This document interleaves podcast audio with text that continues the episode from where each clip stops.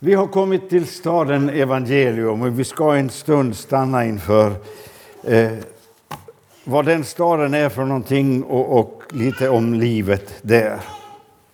Det var en märklig stad.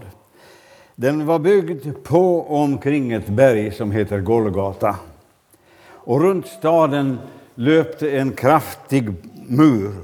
Och på muren hade Justus als Voldig ställt många väktare och likaså var portarna inte staden bevakade. Och det var alldeles nödvändigt, för staden Evangelium var omgiven av fiender som försökte förstöra staden och komma åt invånarna. Ledare för fienderna var en mäktig ond ande som hette Belsebul. Han var de onda andarnas furste och han var ärkefiende till Immanuel. Belsebul kunde inte stå ut med tanken att det mitt i hans välde i världen skulle finnas en fristad som evangelium där Immanuel regerade. Och därför försökte han på alla vis förstöra evangelium och locka dess invånare ut därifrån. Men Belsebuls alla angrepp var förgäves, för Immanuel kunde försvara sin egendom så att invånarna i evangelium, trots hoten utifrån, kunde leva i frid i staden. Immanuel var också noga med att folket i evangelium skulle lyssna till väktarnas varningar. Men det fanns alltid några som inte tog det så noga med vad väktarna sa. Och ibland lyckades därför Belsebul locka och lura några att lämna evangelium. I Jesajas bok kapitel 2 läser vi, kapitel 62 läser vi, På dina murar, Jerusalem, har jag ställt väktare. Varken dag eller natt får det någonsin tystna. Ni som ropar till Herren, unna er ingen ro och ge honom ingen ro förrän han upprättar Jerusalem och gör det till en lovsång på jorden. Så ska det vara i den kristna kyrkan. Det ska finnas väktare på murarna som slår larm när fienden närmar sig. Det är inget populärt uppdrag att vara väktare på Sions murar, att larma och varna när Belsebul med sina tjänare anfaller, men det är något alldeles nödvändigt. Och vi kristna ska hörsamma Jesajas uppmaning ni som ropar till Herren, unna er ingen ro och ge honom ingen ro förrän han upprättar Jerusalem och gör det till en lovsång på jorden. Och vi ska heller aldrig förtröttas i att be Herren om trogna väktare på Sions murar. Vi vänder tillbaka till staden Evangelium. Mitt igenom staden rann en stor och djup älv som hette Blodsälven. Den rann upp i staden helighet och flöd fram vid foten av Golgata berg. Och på flodens stränder samlades invånarna i evangelium, särskilt morgnar och kvällar till morgon och aftonbön. Och så sjöng man lovsånger till Immanuels och Justus Alsvoldigs ära. Men i staden världen och på godsets arbetsamhet hade det blivit en oerhörd uppståndelse när man fick höra att Adamsson hade flyttat till evangelium och att han numera hette Abrahamsson. Alla hade ju beundrat Adamsson för det osjälviska liv han förde och nu sörjde man djupt över att det skulle gå så eländigt illa för honom. Men nu såg man hur det gick när man försökte vara bättre än alla andra. Han lyste som en stjärna i en tid och bländade många med sitt sken. Men nu hade stjärnan slocknat. Och de flesta av Adamssons gamla vänner sa bekantskapen med honom. Och en del hånade hans minne och han uteslöts också ur missionsföreningen. Men Abraham som levde lycklig i evangelium. Inga bekymmer fick plats i hans hjärta och Immanuel var hos honom varje dag. Han bodde i kvarteret Syndernas förlåtelse och över porten dit in kunde man läsa just detta. rum för de förlorade. Och i det här kvarteret fanns det bara vilo och sovplatser och här fanns också matställena. Det fanns ett annat kvarter som hette Helgelse i staden Evangelium. Och lägg märke till det, kvarteret Helgelse låg alltså i staden Evangelium, inte i Sinai. En dag när Abrahamsson, Abrahamsson och hans fru fått vara tillsammans med Immanuel så var de så överfyllda av tacksamhet och nåd att de, över hans nåd att de föll på knä för honom och bad att fast de var alldeles ovärdiga en sådan förmån så ville de ändå så gärna få göra någonting där de kunde tjäna Immanuel. Och då tog Immanuel med dem till det andra kvarteret i evangelium som heter Helgelse. Och på porten dit in stod det arbetsrum för de återfunna. Och här fanns inga vilo och sovplatser och inte heller några matställen. Här i helgelse var det bara arbete som gällde. Vi tänker oss gärna när det gäller helgelsen, detta att leva som kristen, att då har vi kommit tillbaka till lagens krav. För här gäller det att ligga i. Och så läser vi förmaningsorden till de kristna i breven i Nya testamentet som lagbud, som vi nu som kristna ska kämpa med att uppfylla. Jag läser som exempel från Efesierbrevets 4, där aposteln skriver Se upp med hur ni lever. Lägg bort lögnen, tala sanning med varann, vi är ju delar i samma kropp. Grips ni av vrede, synda inte. Låt inte solen gå ner över er vrede och ge inte djävulen något tillfälle. Tjuven ska sluta stjäla och istället arbeta och göra nytta med sina händer så att han har något att dela med sig åt den som behöver. Låt inga smutsiga ord komma över era läppar, utan bara det som är gott och bygger upp där det behövs, så att det blir till glädje för dem som hör det. Bedröva inte Guds helige Ande som ni har fått som ett sigill för befrielsens dag. Lägg bort all bitterhet, häftighet och vrede, allt skrikande och förelämpningar och all annan ondska. Var istället goda och barmhärtiga mot varandra och förlåt varandra så som Gud i Kristus har förlåtit er. Så ska alltså en kristen leva. Och det är sånt man arbetar med i kvarteret Helgelse. Och det var alltså inte här som man skulle vila eller sova och inte heller äta, för det fanns inga matställen. Mat och vila fick man i syndernas förlåtelse och det var bara av glädje och tacksamhet över Immanuels nåd som Abraham som nu fick en uppgift i helgelse. Att leva som kristen, lägga bort lögnen, att inte synda och inte stjäla, inte låta fula ord halka ur munnen, att tala gott och uppbyggligt, att leva i helgelse, det är glädjens och tacksamhetens gärning över nåden i Kristus. Det är inte lagens bud och domar. Kung David säger i Psaltaren 119 Jag vill löpa på dina budords väg, ty du tröstar mitt hjärta. Det är hemligheten med helgelsen. Jag vill löpa på dina budords väg, ty du tröstar mitt hjärta. Genom Immanuel, nåden i Kristus Jesus, har jag fått ett nytt sinne, ett nytt hjärta som gärna vill gå Herrens vägar. Och nu är lagen inte längre en hemsk domare utan en god vägvisare. Jag ska citera ett par verser i en av våra gamla läsarsånger som så väl beskriver denna förändringen. Denna förändrade inställningen till Guds heliga lag. Det är nummer 396 ifall någon vill slå upp. Det står det i den femte och sjätte versen. Lag, vad fordrar du av mig? Jag är ej din gäldenär. Sedan Kristus fullgjort dig, tillfredsställd min fader är, kräv nu Jesus om du kan, han är nu min borgesman. Och så kommer då förändringen.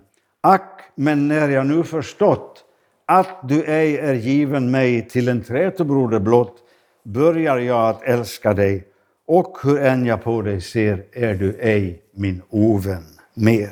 Alltså, det hjärta som är tröstat av Immanuel, som har sin glädje och tacksamhet och vilar i syndernas förlåtelse, ett sådant hjärta löper gärna på Guds budords vägar, ty du tröstar mitt hjärta. Den gamla naturen finns ständigt kvar i en ständig kamp mot den nya viljan och som gör att en kristen är väl bekant med det dilemma som Paulus skildrar i Romarbrevets sjunde kapitel. Jag finner alltså den lagen för mig som vill göra det goda, att det onda finns hos mig. I min inre människa gläder jag mig över Guds lag, men i mina lemmar ser jag en annan lag som kämpar mot lagen i mitt sinne och gör mig till fånge under syndens lag i min kropp. Och så utbrister han, jag arma människa, vem ska rädda mig från denna dödens kropp? Och Paulus vet var hjälpen finns. Gud vare tack genom Jesus Kristus, vår Herre. Alltså tjänar jag själv med mitt sinne Guds lag, men med köttet tjänar jag syndens lag. I staden Evangelium vilade man och åt i syndernas förlåtelse, inte i helgelse. Med flytten till staden Evangelium så hade ett nytt kapitel börjat i Abrahamssons liv. Förut hade han tänkt att evangelium var ett ställe för latmaskar, där man med fromt prat bara ville dölja sin andliga oduglighet och att det var ett ställe där all glädje var förbjuden och där man levde i tvång och gick med sorgset ansikte. Mor Enfaldig hade sagt att i evangelium levde man helt och hållet på Immanuels bekostnad. Och om det tänkte Adamsson att det passar för, förstås bra för den som är lat och inte vill arbeta. Inte konstigt att alla förslappade uslingar flyttar till evangelium, tänkte han. Men så fel han hade haft, insåg han nu. När han såg tillbaka på sitt tidigare liv såg han ett liv utan frid. Och det som han då trodde var, var lycka och glädje såg han nu som sorg och missnöje. Och nu insåg han vad han förut aldrig velat tro, att livet utan evangelium är ett olyckligt och syndigt liv utan frid i själ och sinne. Men här i evangelium levde han som i ett paradis, i frid och fröjd. Och när mor enfaldig frågade Abrahamsson när han mådde så sa han Tänk om jag ändå hade förstått långt tidigare hur oändligt mycket lyckligare det är att vara fattig i evangelium än rik i världen. Och när han tänkte på sina släktingar och vänner så blev han full av iver att berätta för dem om livet i evangelium så att de också skulle flytta dit. Han bad Emanuel om nåd och visdom och, och så skriver han till dem allihop om sin lycka och glädje. Jag känner en frid som övergår allt förstånd, skrev han. Alla mina skulder är efterskänkta. Mina synder och mitt tidigare sätt att leva är förlåtna och glömda. Immanuel har också sagt att mina synder aldrig mer ska kommas ihåg och att Justus allvåldig själv har kvitterat alla mina skuldebrev och försäkrat att han ska ta hand om mig med evig nåd. Där levde han Abraham som i lycka och glädje och berättade full av iver för enfaldig och när han skrivit till vänner och bekanta visst som att de skulle förstå sitt eget bästa och också flytta till evangelium. Och när han berättade om alla sina företag så rann en tår nerför mor enfaldigs kind. Abrahamsson tänkte inte på det då, men sen slog det honom att mor enfaldig hade sett lite orolig och ledsen ut. Vad tog det åt den kära gumman, tänkte han. Kunde hon vara ledsen för min skull? Varför skulle hon inte vara glad och dela min glädje? Så han gav sig iväg för att söka upp mor enfaldig och mötte henne strax. Hon hade varit hos Immanuel och frågat honom till råd som Abrahamsson Och nu undrar han varför hon tycktes vara ledsen när de träffades förut. Var hon inte glad över hans lycka? Jo, sa mor enfaldig, jag är så glad över att patron är här. Och jag har nyss varit hos Immanuel och bett honom hålla ett vakande öga över patron så att patron inte ska flytta från evangelium. Va? Skulle jag flytta från evangelium? Nej, det kommer aldrig att hända, aldrig. Ja, sa mor Enfaldig, där har ju orsaken till mina tårar. Att brukspatron är så glad över att få vara i evangelium är bara roligt. Men jag tänker på vad kung David skrev en gång. Gläder med bävan, skrev han. Patron är ju en kraftfull man, aktiv och ambitiös. Och det är goda gåvor som kan bli till stor nytta för både patron och andra. Men jag måste varna patron innerligt. För jag har sett att patron har varit tillsammans med herrarna stark och självsäker. Och de har ju senast idag varit på besök hos patron. Nu står Abrahamsson alldeles frågande. Vad menar du? Stark och självsäker, de människorna jag har aldrig pratat med. De som var hos mig hette förtröstansfull och frimodig. Och de hade också med sig herr Upplyst, som var väldigt kunnig i andliga frågor. De kom från teologi och de var så trevliga. Akta dig, sa mor enfaldig. Förut, när de bodde i evangelium, så hette de förtröstansfull och frimodig. Men sen flyttade de härifrån och till dess heter de stark och självsäker. Och han som du kallar för upplyst heter i verkligheten självklok. Och han har ställt till med mycket ont i evangelium. De vill få med sig patron bort från evangelium, så akta dig. Akta dig. Nu vart Abrahamsson alldeles förbryllad. Han förstod sig inte på mor enfaldig. Hur ska man förstå det här, undrade han. Förut har hon ju sagt en del bra saker om professor Redli och magister Trogen, och de är ju teologer. Men nu är hon negativ mot hela det där sällskapet. Jag undrar om inte gumman ändå är lite inskränkt. Och när han mötte en vän berättade han om sina funderingar och vännen förstod mycket väl vad det handlade om. Det där ska du inte förvåna dig över, sa han.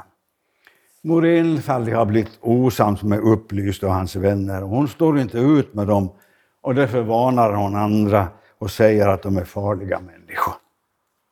Det hade jag aldrig trott om mor Enfaldig. Vad handlade det om, sa Abrahamsson.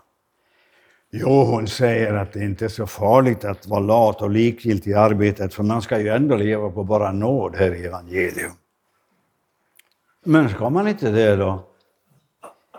Jo, jo, självklart. Men man måste också vara flitig och trogen i arbetet. Har Morén förnekat det då? Ja, det är just det som är det farliga. Hon talar om nåden så mycket att det leder till lathet och så anser hon att det är farligt att vara stark och frimodig i tron. Så det säger hon bara för att hon är en svag stackare. Nu vart Abraham som fundersam och förtroendet för mor Enfaldig började svikta. Men han tänkte att det var bäst att gå direkt till henne och fråga hur det egentligen hängde ihop. Hon hade ju ändå varit honom till så stor hjälp. Och när han kom fram berättade han vad han fått höra och mor blev inte det minsta förvånad. Det där var inga nyheter, sa hon. Sånt har jag blivit beskylld för många gånger. Men vad tänker du då? Det vet patron mycket väl som mor Jag tänker att Immanuel är allt i alla. Men tänker inte upplyst samma sak? Om han gjorde det. Men när han talar om Immanuel lägger han alltid till ett men. Precis som om vår nådige Herre hette Immanuel men. De säger visst att vi får bo i evangelium av bara nåd för Immanuels skull, men. Immanuel men. Och sen så säger de att Justus Voldig säger ju att alla Guds löften är ja och amen i Immanuel. Men då säger de att alla Guds löften är Ja, men. nu förstår jag ingenting, sa Abrahamsson. Sätt dig ner så ska jag berätta en sak för dig, sa mor enfaldig. Jag bodde ett tag i egen rättfärdighet och där hade jag nog gått under mitt elände om inte predikanten evangelist hade berättat för mig om Immanuels barmhärtighet och om friden i evangelium. Därför flyttade jag hit och där har jag bott och levat på nåd. För Emanuel, e-, evangelium är en stad där man inte ska, som på alla andra ställen, leva av sina händers arbete. Men i evangelium lever han på nåd, på Immanuels bekostnad och ansvar. Men, kära Mors Abrahamsson, det är väl ingen som förnekar det.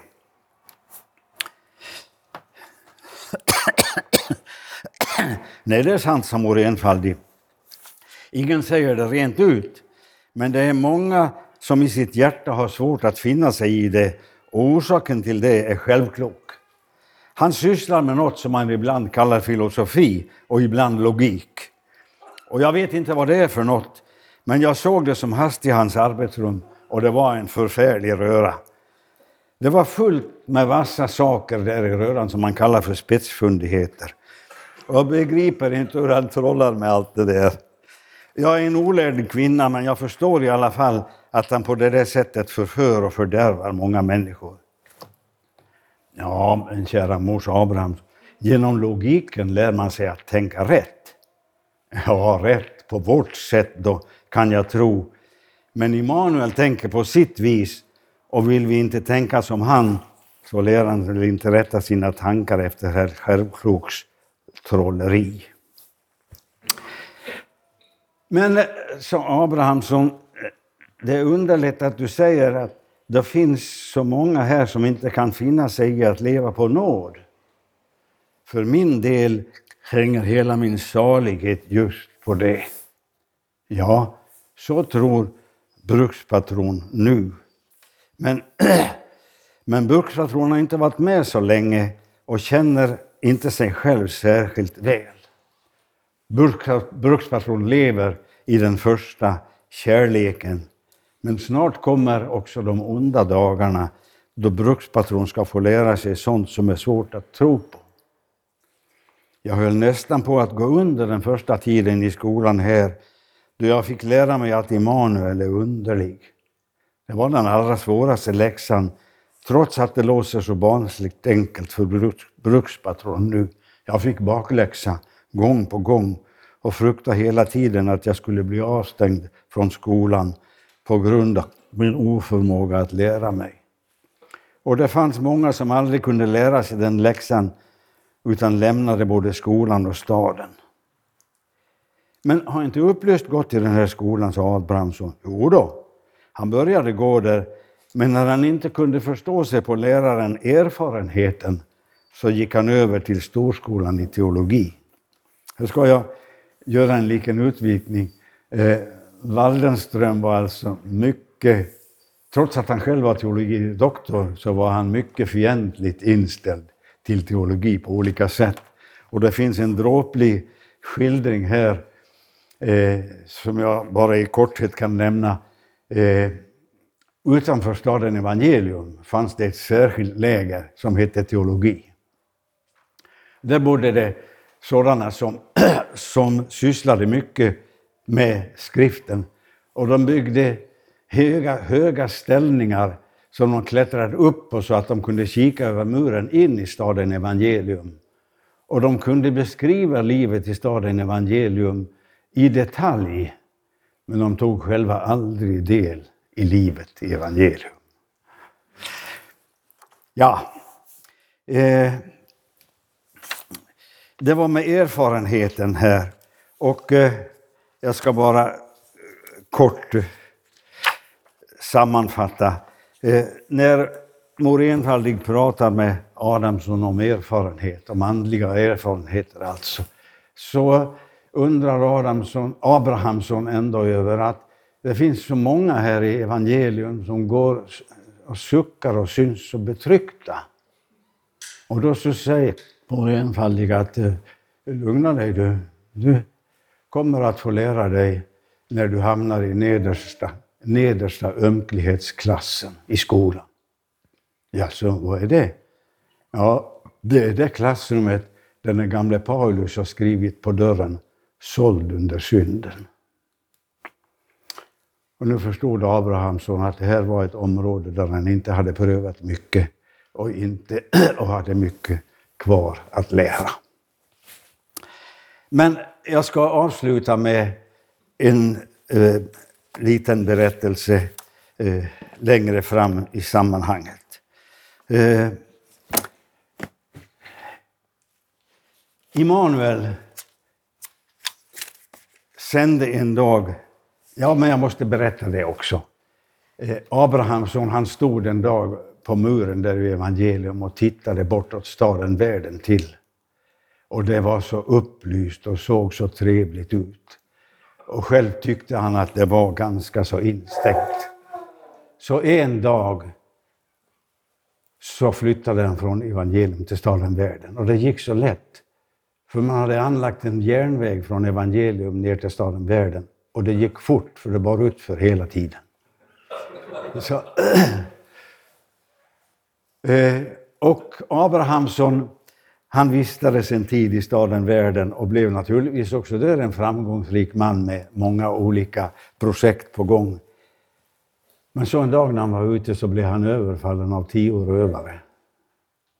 Och ni ju förstår vilka tio rövare det var som slog honom till marken och rövade ifrån honom allt. Så där blev han liggande, slagen och sårad och utan allting. Och så kom Immanuel och hämtade honom och bar honom tillbaka till staden Evangelium. Eh, jo, en dag så skickade eh, Immanuel evangelist till världen. Och evangelist hade en enda uppgift. Han skulle säga till alla han mötte att de var välkomna till evangelium. Och evangelist gick runt i staden världen om dagarna och pratade med människorna om Immanuel och om staden evangelium och förklarade att Immanuel hälsade dem välkomna till evangelium allesammans, allesammans. Så en kväll när evangelist kom in på sitt rum trött efter dagens möda så knackade det på dörren och eh,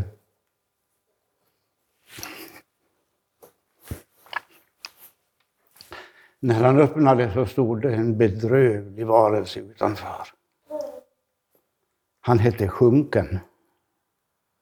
Och så sa han att jag såg dig ute i staden världen och jag hörde att du sa att Immanuel sa att alla var välkomna till evangelium.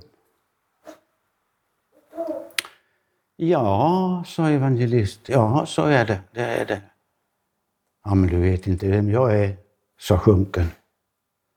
Och så berättade han för evangelist en sådan historia så att evangelist bleknade. Och så sa sjunken, och nu undrar jag, är jag också välkommen till evangelium? Ja, ja, sa evangelisten, men, men du måste först... Eh, ja, jag förstod det, sa sjunken.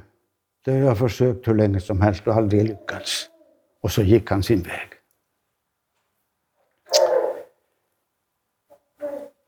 Och evangelist gick in på sitt rum där, men han fick inte vara i fred länge för det kom ett ilbud från staden Evangelium, från Immanuel, med beskedet att när jag skickade dig till staden världen så var det med budskapet att alla, vem som helst, alla, och det är alla från vilket håll du läser det, är välkomna till evangelium för Immanuels skull. Gå ut och leta reda på sjunken. Och evangelist begav sig ut och fick tag på sjunken och sa du är välkommen till evangelium. Och så flyttade sjunken till evangelium. Och i en av våra gamla sånger så står det Här finns utsikt för de döda och för sjunken Gud lov. Sjökans synder, de blodröda, är avtvagna, Gud lov. Så är det. Kom ihåg det. Du är välkommen till evangelium.